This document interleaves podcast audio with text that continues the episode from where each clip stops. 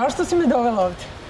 Dovela sam te ovde zato što je ovo moj omiljeni javni prostor u Beogradu. Prostor koji smo kao ministarstvo prostora, kolektivno ministarstvo prostora, pre 10 godina dobili na korišćenje, odnosno pre 8 godina kao galerijski prostor, a pre 10 kroz počeli pregovore sa opštinom Stari grad da u stvari jedan javni prostor oblikujemo na drugačiji način. Ali ovo nije prvi projekat. Vi ste tada već radili razne stvari i već su počeli da vas prepoznaju.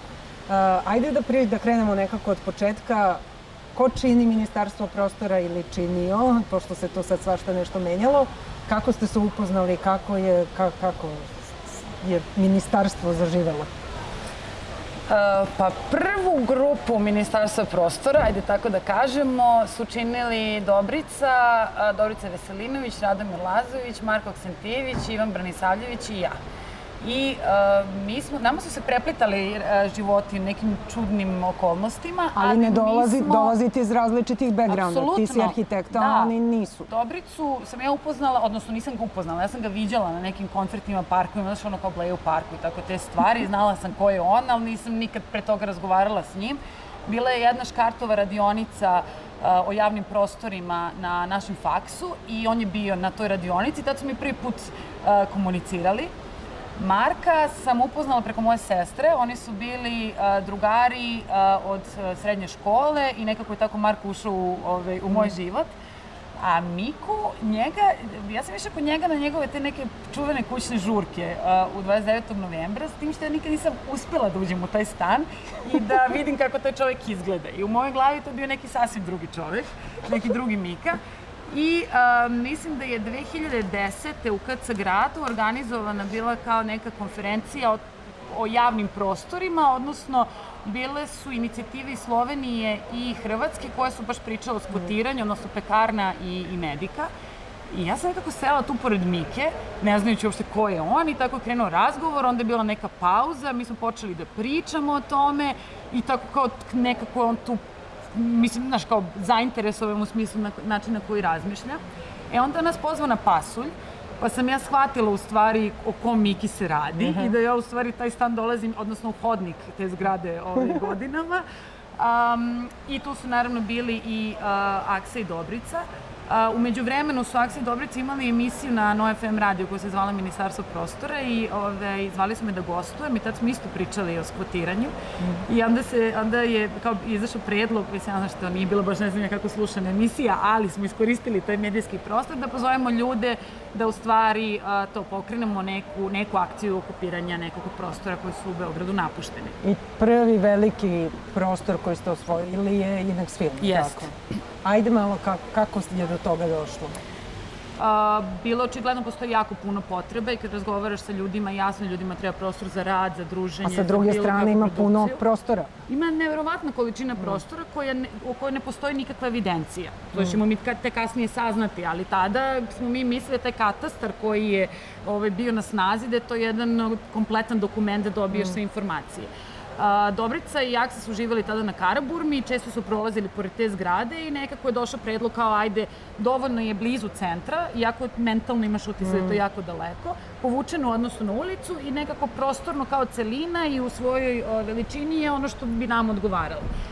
I ove, ja, ja sam isto zvala neke kolege a, sa faksa, to je jako zanimljivo, ove, zanimljiv podatak, jer, jer su reakcije mojih kolega sa faksa bile za mene potpuno neverovatne a, bile su a, tipa, uf, znaš, kao nama se ovde treba 2 miliona evra da ovo sredimo, znaš, kao, a nas ono 40 tu, mislim, znaš, da roditelji nam dali pare da se, znaš, kao da, da dođemo do, do, do prevozom dotle, znaš, to je, to je da. situacija u kojoj se mi nalazimo u tom trenutku, znači tih miliona nema ništa. I dogovor je bio, s obzirom da nemamo lovu da rekonstruišemo, ajde da se nađemo sledećeg vikenda, pa samo da vidimo Pravna kako će akcija. to da ide, da, krene. I tu sledećeg vikenda došlo nešto 5 do 10 ljudi. E, I to su se te male grupe ljudi, kad, je, mm. kad su bile organizovane čišćenja, su se ponavljala svake druge nedelje, a onda vikendima između, kad smo shvatili da nam u stvari treba neka kritična masa koja će mm. sad kao da to ovaj, pokrene taj, taj objekat, onda su bila druženja. Mm -hmm. E, onda mi se čini da su u jednom trenutku ljudi izgubili kad su druženja i kad je čišćenje i to je nekako krenulo, mm, znaš, da ono, da se, da se vrti. Koliko je živeo, koliko ljudi je koristilo prostor, kako ste ga, kako bih rekla, pravno formalno uredili izme, odnose između vas, a kako sa tim gazda se, su se pojavile i to je sad da, Jeste, da, dakle, Mi smo u katastru proverili kome pripada objekat. Ispostavilo se, bar informacija je bila da je objekat u javnom vlasništvu i ideja to što, toga što smo mi želeli jeste da se javna svojina stavi u upotrebu, bar kao to inicijalni korak jeste ono što pripada gradu ili državi. Međutim, taj katastar uh, nije bio dokument koji sadržao ovaj, tačne podatke i taj konkretno objekat je bio privatizovan. Um, desila se situacija da je uh, Muzej savremene umetnosti hteo da ima ovaj, svoju izložbu. Muzej je sa, zakačio neki ogroman uh, logo uh, na, na ono glavnu fasadu i naravno postavilo svoje obezbeđenje jer su tada već krenuli da unose neke stvari koje su, koje su vredne. E, u tom trenutku je ovaj vlasnik prošao i prilično se zabezeknuo kad je video logo Muzeja da, savremene umetnosti u svojoj zgradi. Da. da. Ove, tako da smo mi tada preko obezbeđenja saznali da postoji privatni vlasnik. Hmm. E, onda smo saznali ko je Pa smo, e, mislim da smo Dobrica i ja išli na, na razgovore s njim i on je na to dosta kao blagonaklonno gledao, jer u principu čekao je trenutak kada se usvoji e, detaljni plan regulacije za to područje i trenutak kada on može da e, taj, odnosno tu parcelu iskoristi bolje, a ovako je to njemu činilo dosta ovaj, veliki napor u smislu da je to bilo svega i svačega i, znaš, da, no, da. tako da kao, načelno tu postoje neki verbalni dogovor s njim da to može da se koristi. On je čak par puta obišao objekat, bio je zainteresovan kao i za mlađe, za mlađu ekipu umetnika koja je taj prostor koristila. I 2015. nakon što je postojalo, postojala indikacija da će taj plan u stvari stupiti na mhm. snagu, mm -hmm. a, ljudi su iz Ineksa izašli. I posle toga je došla Zvezda. Pričamo o većim projektima, Bioskop Zvezda. Bioskop Zvezde je bio nastava kampanje Bioskop i povratak otpisanih, koji smo mi pokrenuli praktično isto vreme kad Inex film i uličnu galeriju. I ideja jeste nastala uh, iz, iz toga što postoji ozbiljan prostor koji je sad dat privatnom vlasniku za ništa.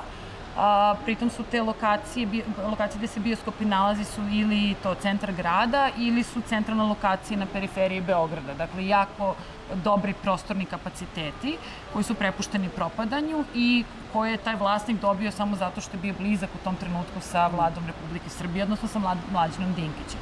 I, ta, i, I činjenica da su u jednom danu 2007. godine Beograd ostao bez bioskopa, dakle privatizacijom Beograd filma 14 bioskopa ugušeno, nije uopšte pokrenula bilo kakvu diskusiju. Mm. Meni je to bilo prilično neverovatno, a, ali kao bilo je dovoljno dobro da pokreneš temu privatiz ilegalne privatizacije upravo ko stoje. Ljudi osjećaju neku vrstu nostalgije prema da. bioskopima, vezani su kroz, za, za te prostore, kroz neke intimne lične priče i slično.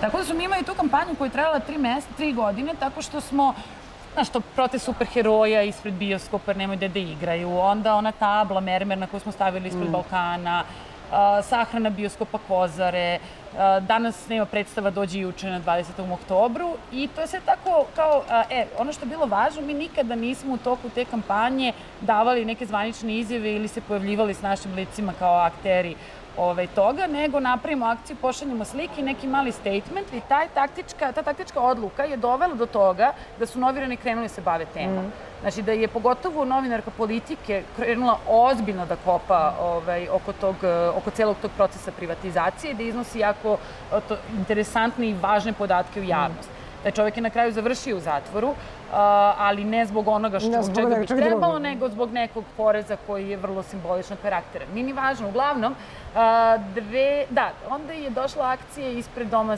ispred Sava centra za vreme mm -hmm. festa, gde smo mi postavili te bele krstove sa nazivom ja, bioskopa. Da, I to je bilo ludo kako su ljudi reagovali. A pritom, znaš, mi ono, klinici, svaka akcija nešto kao šta ćemo i onda mi, i onda čekamo trenutak, mi se skupimo na neko mesto, onda šaljemo slike, znaš, sve nešto kao ono, isprojektuješ ga ludački. Došli mi kući, našli se kod mene tada u nekom stanu koju sam ja iznadljivala, sa planinom kako se šalju te fotke. Odjednom, fotke su svuda. Jer, znaš, poznate ličnosti izašle, slikale se, to, došli smo do, do medija koji nisu mogli da dođemo mm. pre toga i to je već bio bum. I onda je ono krenulo da se toliko vrti priča oko tih bioskopa, da je prosto bilo nekako neminovno da su jedan od tih prostora uđe. I prva akcija je bila neuspešna u februaru 2014. godine. Um, da, dosta, ne, ne znam da li znam to ima, da, sve nemamo, da, da, imamo ono, baš, puno. Baš nismo to dobro smislili, nešto previše smo hteli, a ono malo... A ne samo to, nego oko cele te zvezde ima svega i da. svačega. Da. E, Ali i onda je u da. oktobru bilo uspešnije. Onda u oktobru je to kao sa studentima ušlo se, Jeste tadašnji sekretar za kulturu, današnji ministar vas je pohvalio. da, jeste, to je baš bilo. A, a to se i ozbiljno pripremalo, to je bilo beskonačno puno javnih ličnosti, ovih, onih, svi su se gurali. Da, nekako je to, to je sa Zvezdom baš bilo ludo od tog oktobra. Uh, ima dobar, dobar film koji je Senka napravila, ona je pratila to od početka do kraja i koji baš uh, ima akcenat na, tom, na, na tim kolektivnim procesima, koliko su oni strpljujući, odnosno koliko se mi uopšte ne razumemo. Dakle, ja se sećam su mi stalno bili u nekim konfliktima. Znaš, ljudi koji se ne znaju od ranije, nisu ideološki na istoj strani ili prosto e, rečnik im je drugačiji, nego uopšte, ali nisam mogla da shvatim šta se tačno dešava, kao da pričamo stranim jezikom. I onda u tom filmu nekako to osetiš. A, u Zvezdi ste sa jedne strane bili vi koji imate nekog iskustva i neka ekipa mladih sa FDU studenta, ne znam, profe, mladih profesionalaca. I a, tu se dešava u stvari da ovo što si počela da pričaš, da ta potreba ljudi da ne, nešto imaju i uzmu za sebe Da. i da postanu nekako stave šapu. Kako se kroz sve ove vaše prakse, ka, kako ste se sačuvali od toga na kraju krajeva, vratit ćemo se onda i na ovo, da stavljate šapu? A, dakle, to se nije prvi put desilo u Zvezdi, to se već desilo u Inexu. I to je bio jedan od razloga zbog kojih sam ja, na primjer, otišla iz Inexa a, kad je to postalo kao neka svakodnevica, znaš, da ljudi dođu za katanče sobe i sad imaju svoj studio, znaš. I ono što je bilo, što je meni bilo neobično, jeste bilo pitanje, a ako vi nemate prostor ovde, zašto ste vi ovde? Znaš, i ja to nisam mogla da razumem, znaš, zato što ja nisam došla tu da bi imala o, ne, neku svoju sobu koju, znaš, kao došla sam kao da podelim nešto, da delimo, nešto zajednički pravimo, da taj prostor zajednički oblikujemo. Znaš, ne treba meni moja, moj mali sobičak, uh, niti mi treba da budem negde glavna. Nisam nikad tako osjećala i mi nikad nismo negovali takve vrste odnosa između nas u okviru naše male grupe, a trudili smo se da oni ne postoje ni u okviru stvari koje smo radili. Isto u Inexu, kao i u Zvezdi, znaš, a, nije bilo glavne, mi nismo želeli da imamo glavnu osobu, nego da sastanak bude taj gla, ta glavna osoba. Dakle, tu se donose odluke, tu razgovaramo, tu pokušamo da dođemo do rešenja. I to je ljudima bilo jako neobično na početku, znaš, zato što ko, ne, ko neću, ću ja da pričam s nekim ko, ko je glavni, ću ja s nekom boranijom ovde sad da gubim vreme, znaš. E, u Inexu je još to i moglo nekako da se, da se kako kažemo, zapati, jer je ekipa bila sličnog senzibiliteta, dok je u Zvezdi to bilo gotovo nemoguće i to su konstantno bilo neka trvenja. Različiti interesi su tu bili upleteni, znaš, i govorimo takođe o, o, o ljudima čije su karijere pretenduju da budu javne, čiji je karakter nekako to Da, jedinstven u tom smislu da budeš kao vidljiviji i glasniji i mislim da je sad stvarno ono bilo kakvog vređanja ili poentiranja na konkretne ljude, ali prosto ona, mi se tu nismo slagali uh, kao grupa. Uh, dodatno je na to sve uh, došla, došao Beograd na vodi te godine i naš je fokus bio strašno usmeren uh, ka tom projektu, tako da mi nismo mogli dovoljno da se posvetimo Zvezdi. E sad, ono što je dobra stvar sa Zvezdom, jeste što je Zvezda, bez obzira kako je ona završila, da li neko to smatra uspešnim ili ne, ja smatram uspešnim, jer je iz, iz te okupacije izašlo toliko, ajde da kažemo, levo orijentisanih pokreta, što pre toga nije bio slučaj. Znaš, izašla je, to prvo desio se taj prostor, uh, SDU se formirao na drugačiji način, Ne davimo Beograd je nastao, uh, NKSS je uzeo malo, nezavisna kulturna scena Srbije, malo političkiju uh, poziciju, jasnu bar u odnosu na pre, studentski pokret, znači to su sve neki entiteti koji su u stvari tu nekako počeli da kuvaju. E pa, upravo zato sam i vodila u stvari ka Beogradu na vodi, odnosno formiranju Ne davimo Beograd, koji je kasnije sada prerastao u nešto što je politički pokret, ajde ne znam kako bi nazvala, zajednica, koji ima sad nekakve vrednosti, koje su očigledno sad nekako, kako kažem, te vrednosti koje vi vučete od početka. od kad smo mi počeli raditi zajedno, nekako je među nama postojala želja da se veći broj ljudi mobiliše oko te ideje prava na grad ili ideje zajedničkih dobara. A, ali su svi ovi pokušaj do tada bili nedovoljno veliki da bi to okupiralo veći broj ljudi. Znaš, da bi to bar ono kao kliknulo većem broju ljudi. Odnosno, mi smo se sve vreme kretali u nekom našem babu. U okviru koga jako misliš da delimo iste vrednosti, uopšte no. ih ne delimo. Znači, to sve naučiš tada, da ne postoji ništa što se podrazumeva, da sve mora se izgovori, da svaka stvar mora da bude vrlo jasna, jer ako to ne uradimo na početku, onda smo posle baš nagrabusili. Mm. onda, onda, onda konflikt gotovo da ne reši. A, e, tako je, tako je Beograd na vodi u stvari prepoznat kao projekat koji je ogledalo svega toga što smo mi pre mm. toga pričali. Znači, da se svi ti različiti interesi, procesi koji se dešavaju u okviru razvoja grada, svi ti, ono, kako mi to kažemo u, u onu struci, stakeholderi prelamaju mm. i vrlo jasno uh, ono, uh, pokazuje šta je problem uh, uh, i našeg društva trenutno političke situacije i onog i koje su stremljenja mm. u, u, ovaj, u razvoju Beograda. Prva stvar koju smo mi uradili jeste bila organizacija međunarodne konferencije NURA, mm. u kojoj si ti dosta pomogla ovaj, takođe mm. i posle, uh, kao i svi mi imali razne posledice. Gde smo mi u stvari pozvali nekih 150 stručnjaka uh, iz celog sveta da uh, komentarišu taj projekat. I to je bio trenutak kada je on bio u fazi modela u Geozavodu. Dakle, on je bio u fazi kada niko od nas nije verovao da će se to je. desiti zapravo. Tako je, niko to nije shvatao ozbiljno. Znaš, da. više je, je bilo generalna kritika. glupo da je bilo neverovatno da, da. može da se desi. Da. Nisi mogla da pretpostaviš u stvari na što su sve spremni ovi ljudi i šta će sve uraditi onda u godinama koje dolaze posle do rušenja u Sava Mali, ako pričamo samo o tom da. projektu, ne pričamo sad generalno o, o ove da. svoj kriminalnoj situaciji koja se dešava. I to rušenje u Sava Mali u stvari, kao kažem, eksplodira da. čitavu stvar i nekako vas izbacuje na jedan potpuno drugačiji način. Jest. Jeste bili spremni za to? Da li ste videli da to ide u tom pravcu i da to sad kao za, znači ne samo lično političko opredeljenje, nego nekakav stav? Ili se to desilo? Spolje je delovalo kao da vam se desilo. Pa jeste nam se desilo. Uh, mislim, iako smo mi pre toga već dve godine to kao nešto organizovali, neke proteste, bili bučni, štampali novine, medijske preskonferencije, razne neke akcije po gradu, naš domet je bio maksimalno dve, dve i po hiljade ljudi. I opet su to neki ljudi koji ti manje više znaš ili nekako su se tvoje mreže. I kad se desilo to rušenje, Prvo, mi to je bila nedelja uveče, mi smo sutradan se našli, dobili smo poruku da se to desilo, ti ne veruješ jer da, nijedan da. medij još nije to objavio, niti baš najjasnije. Mislim, možda zamisliš to, to stvarno, sada kao mm. 30 buldožera došlo i kao srušilo deo grada i vezalo ljude, to je ono sel 90-ih, mislim, mm. što je to stvarno stravična, stravična vest. E, i onda, kad, kad smo shvatili to to i kad smo proverili ovaj, te podatke, organizovan je taj prvi protest koji je okupio možda 5-6 hiljada ljudi, što je već bilo za nas uh, mm -hmm. ok.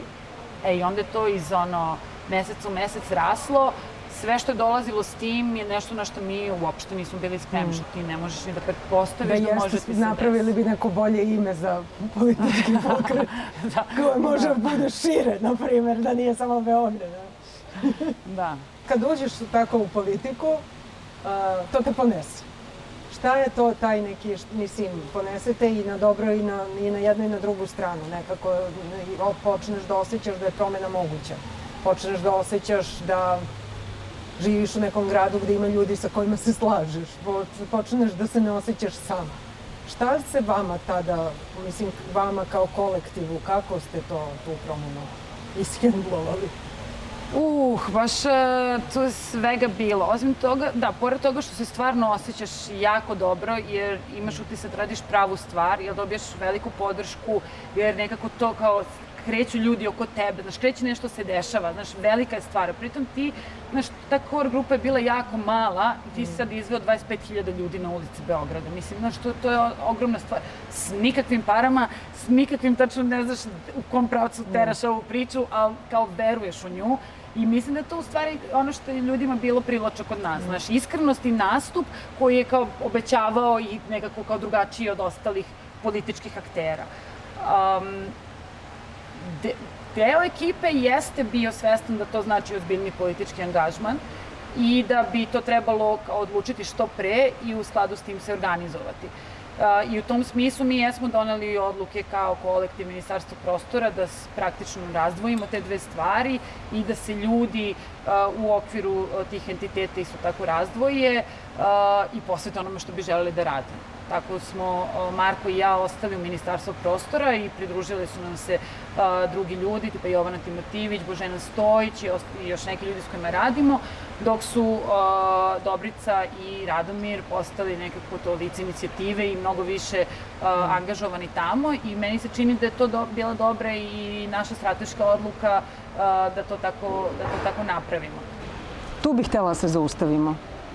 Zato što mi se čini da je ceo vaš kolektiv ima jednu neobičnost, a to je što ste a, izlazili iz projekata. Odnosno, razne stvari ste počinjali, postavljali na noge i onda ih, ne bih rekla napuštali, pre bi mi se čini, gledajući s polja, nekako prevazilazili. I mislim da je to jako redka osobina, pa bi nekako da mi kažeš da li se to dešavalo planski ili neplanski i kako u stvari Kako je došlo do toga da Inex, pa ne znam, Zvezda, pa evo ti sad kažeš izašla iz politike, vratila se u struku, u profesiju, kako? Zašto?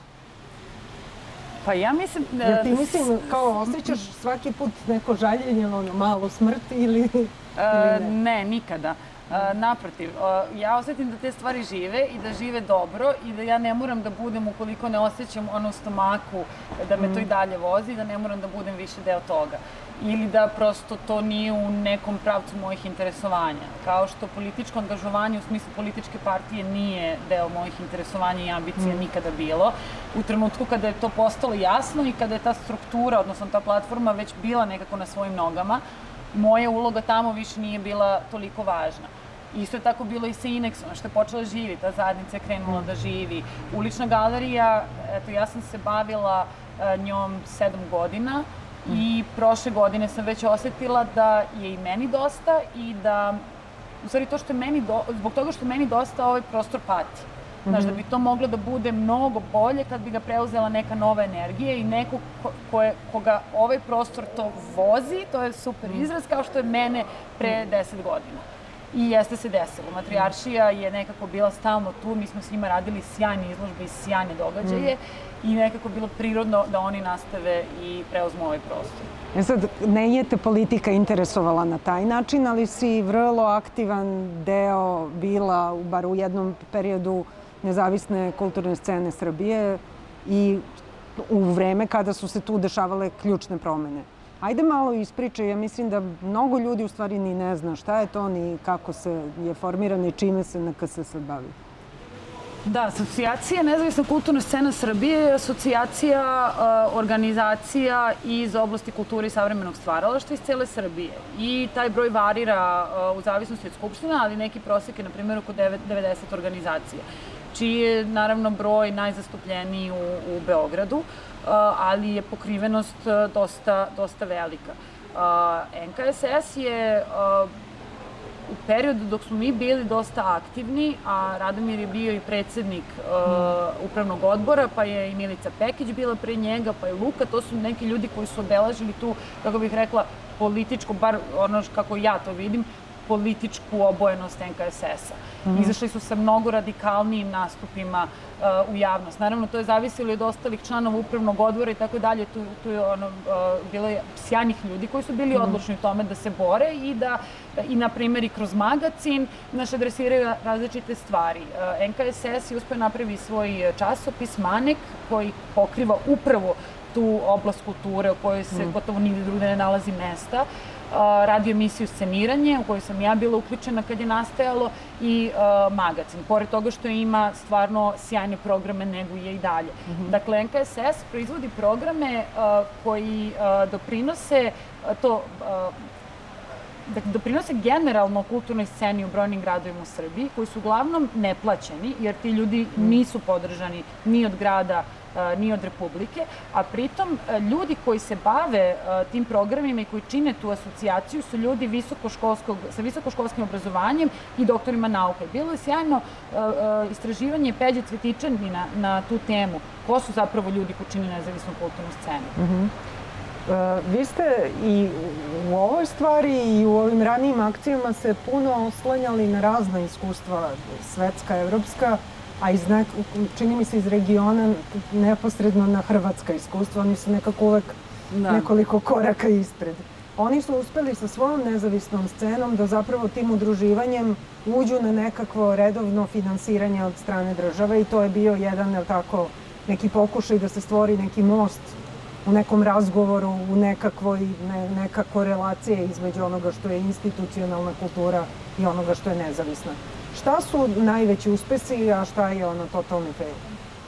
Paralelno sa razvojem uh, nezavisne kulturne scene, odnosno ideje da bi ona trebala da ima bolju poziciju u Hrvatskoj, da bi eventualno neki prostori bude, budu, uh, mogli da, da ovaj, budu posvećeni toj sceni, istovremeno se dešavali borba za Varšavsku, odnosno mm. protiv izgradnje tržnog centra u centru grada. E, i tu su došle razne inicijative, od nezavisne kulturne scene preko prava na grad do zelene akcije, dakle nekoliko tema je tu isprepleteno i ta borba je jako dugo trajala. I slična stvar se posle desila Jeste. sa vama i sa Ne davimo Beograd i opet sad i tim inicijativama koje su se uplele, Jeste, preplele. Ovde, tako je. Ovde je uglavnom um, u e, Ne dajmo Beograd je većina ljudi koja je činila tu core grupu je dolazilo zapravo iz NKSS, odnosno mm. bilo nekako uključeno u nezavisnu kulturnu scenu. Velika stvar koju ste uspeli da uradite je u stvari prostor magazina koji je u nekom smislu uh, već bio dodeljen, ali nije se njime upravljalo na način na koji se upravlja sada.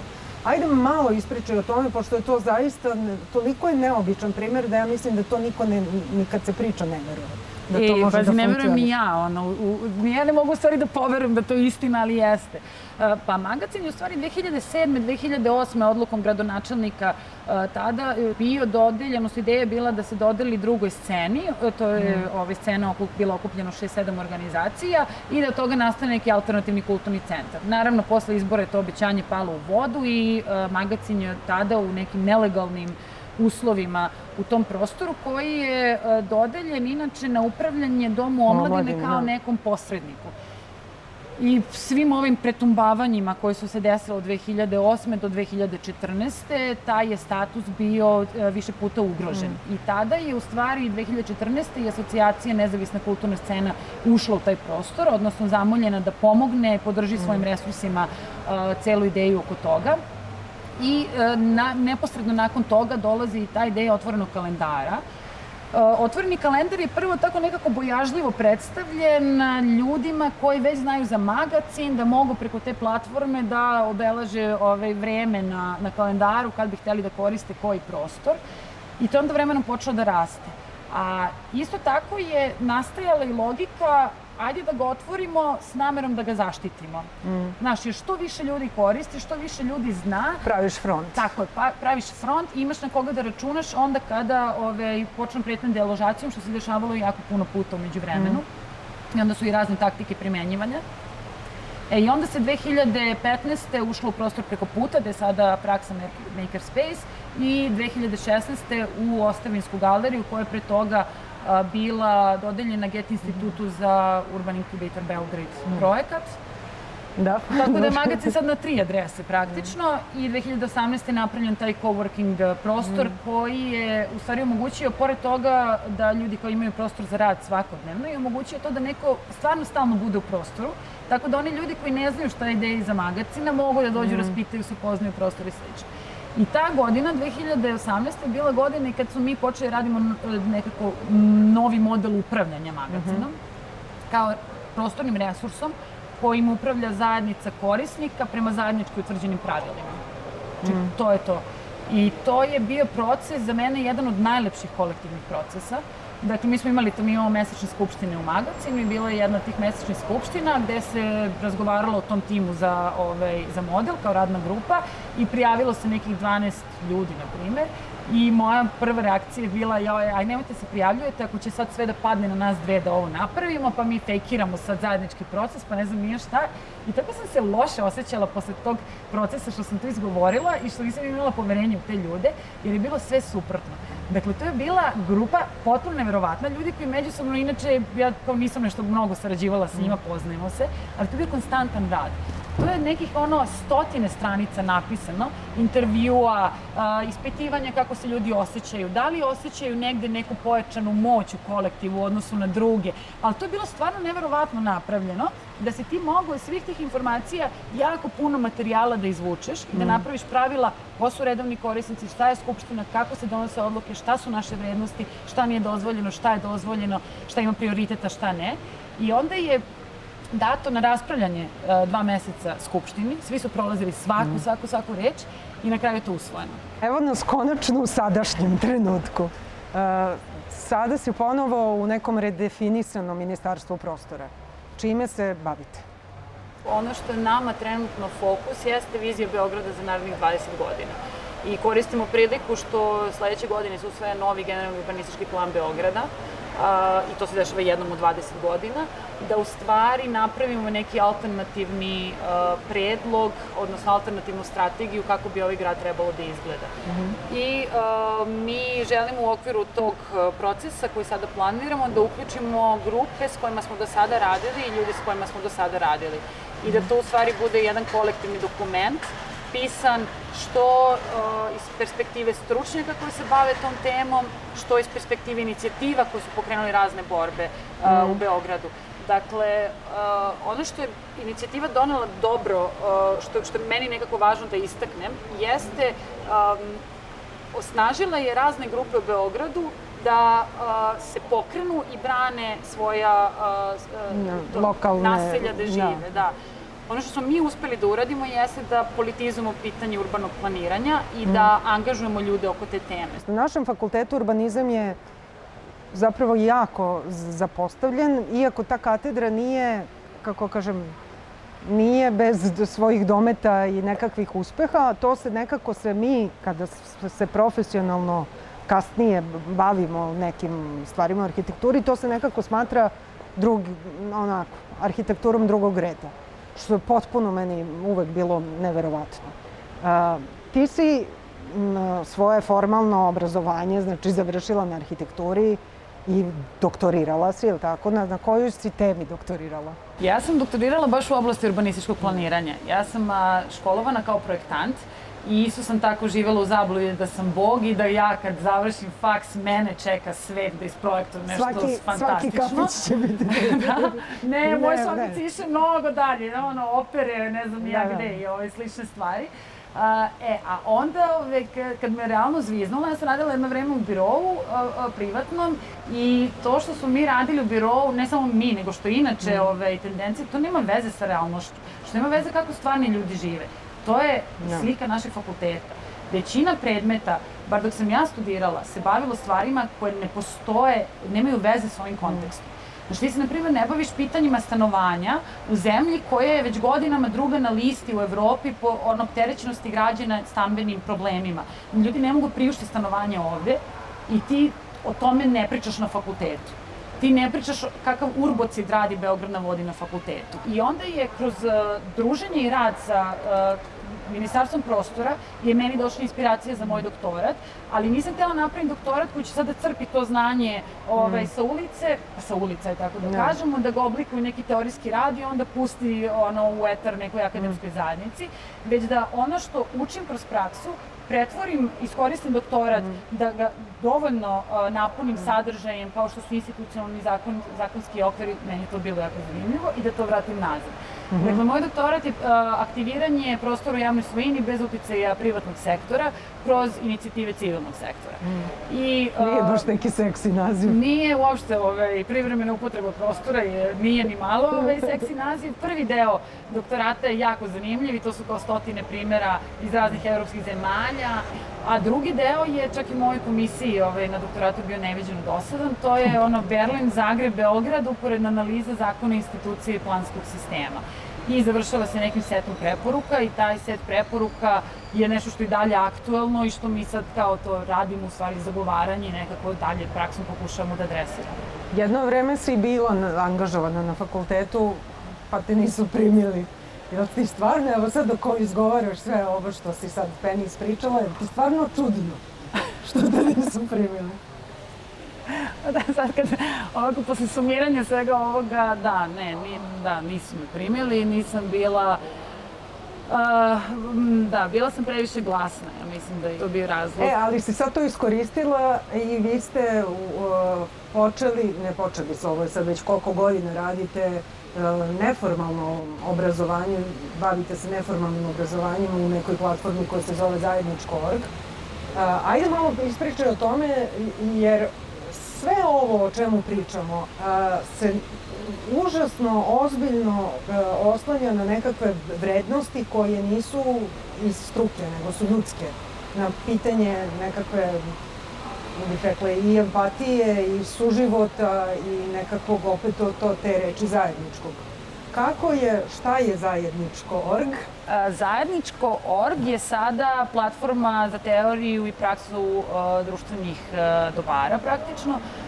To je nastao kao projekat, inicijativa koju je pokrenula Saša Savanović, tako što je ovaj, kontaktirala, ona je tada radila Novo Iskri, kontaktirala je mene i Aleksandra Matkovića koji je tada bio na Institutu za filozofiju i društvenu teoriju, da pokrenemo to pitanje zajedničkih dobara. To je sad već bilo kao commons, kao termin, kao mm. diskurs je aktualan poslednjih deset godina i aktualizovan je je ključne godine 2008-2009. nakon finansijske krize, klimatske krize, nakon Kopenhagenskog samita i dodalo Nobelove nagrade, u stvari autorki tog dela koja se bavi mm. commonsima, koja ga kao ubacuje nazad u u mainstream Ajde u tri uh, rečenice šta su zajednička dobra? Znači zajednička dobra su resursi kojima upravlja zajednica prema zajednički utvrđenim pravilima.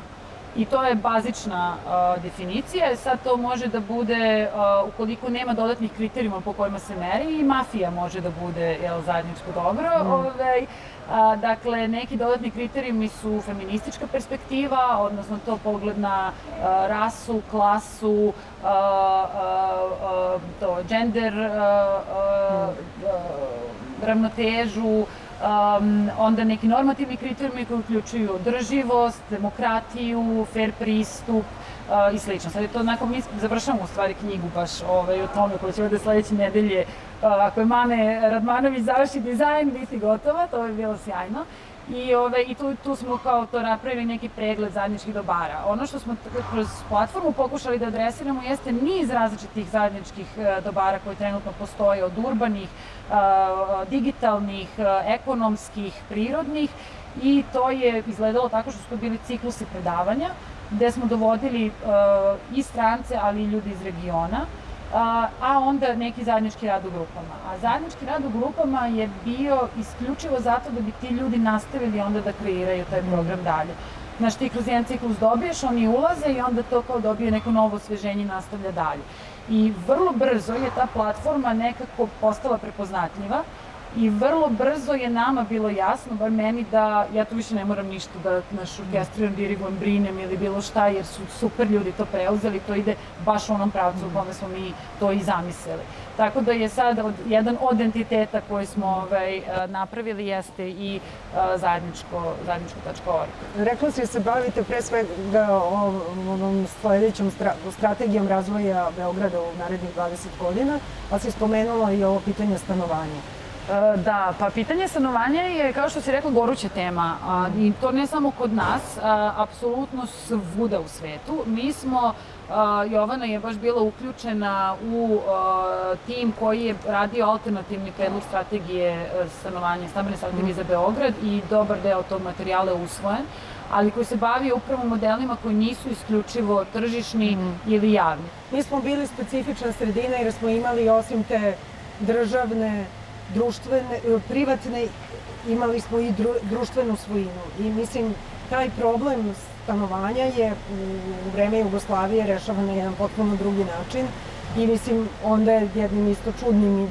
kako bih rekla zakonom sve privatizovano i odjednom smo se mi našli malo između navika naših roditelja i navika ovih mlađih generacija koji su u totalnoj koliziji. I e, sa, sa jedne strane mnogi smatraju da im nešto pripada, s druge strane mnogi smatraju da nikome ništa ne pripada i ako nisi u stanju da zaradiš za stan crkni na ulici, evo u ovom čošku. Turbulentna vremena kroz koje ova vre, zemlja prošla, ti uh, nameću tu potrebu da s, ono, znaš, imaš za svaki da. slučaj, znaš, i to je i stan, odnosno neka nekretnina se vidi kao sigurnost. Um, taj ta vrsta razmišljanja je u mnogim razvijenim zemljama prevaziđena, jer to mm. nije neophodno, jer država je ta koja će brinuti da ti imaš krov nad glavom. Mi smo, uh, Jugoslavija je 53. godine pravo na stan uvela kao osnovno ljudsko pravo. To je bilo mm. najprogresivnije da, u tom trenutku u Evropi. Mi smo to zaboravili. Mi smo mm. uspeli da se od toga, uh, od našeg preko noći tim zakonom i drugim okolnostima prebacimo na moje. A to se isto desilo sa svim javnim prostorima koji Tako nisu je. bili ni državni ni privatni, nego naši. Tako je. Jer se od ono, poreza naših roditelja ulagalo u tu ljuljašku, u taj, tu klupu u parku i kao nije moglo baš neko da ti, mislim, pripada ti. Tako je, ali taj osjećaj pripadnosti se izgubio. Da, I sad da. mi moramo da vratimo taj osjećaj pripadnosti, moramo da vratimo te prostore nama. Mm. Ne možemo da ih prepuštamo bilo kome. Pogotovo ne zato što postoji dodatna tendencija da, da, da nastati hibridni javni prostori, a to je kod nas u Srbiji najočigledniji Beograda na vodi, gde ti da. javni prostori zapravo nisu javni prostori i nisu svi dobrodošli i nisu otvoreni za Tako. sve. Ono što mi se čini da je nekako najvažnije, to sam čini mi se i vodila kroz ovaj razgovor, ta tvoja, kako kažem, ta, ta nekakva potreba da nešto daš, a ne nužno da imaš. Šta je, šta je um, Beograd u kome bi želela da živiš? Kakav je tvoj Beograd za 20 godina? Idealan grad je, e, za mene je grad za sve nas. Grad gde smo mi pomirili naše interese, gde smo naučili da živimo zajedno i grad koji prihvata i prima ljude i koji je oblikovan prema našim stvarnim željama koji je oblikovan na osnovu dijaloga i diskusije ljudi i kojima se omogućava da onome što, što osjećaju i onome što im treba i o tome razgovaraju. Jel postoji negde takav grad? A, postoje naznake takvog grada. Ne, ali postoje politike koje vode u tom pravcu. Znaš, e, crveni plan Beča je politika koja je vodila u tom mm. pravcu. Ali to je isto neko drugo vreme. Jeste, ali napravit ćemo to vreme. Mislim, moramo da ga napravimo. Kako drugačije? Onda je ovo idealno sad za, za moje poslednje pitanje. Prvo, je li to utopija? Ne. Nije. A šta je onda za tebe prostor slobode? Svi... Jel, ako su prostori kojima se ti baviš fizički, uglavnom, šta je prostor slobode? Je li to fizičko mesto ili... Meni jeste fizičko mesto. Aha. Meni jeste fizičko mesto i um, um, onaj moment kad to fizičko mesto u stvari preokrene u taj prostor koji pripada svima nama. Kao što je to bilo ovde, kao što je to bilo ispred Skupštine za vreme, pro, za vreme a, a, a, protesta, kao što je to magazin, kao što su to prostori koji su potpuno drugačiji, koji ti samo naprave, e, ali naučiš puno iz njih, naprave ti jedan switch u glavi, znaš, i onda i ta promena je, tu nema nazad, znaš, to je gotovo, ta promena te definiše i to ide dalje. Idemo dalje onda.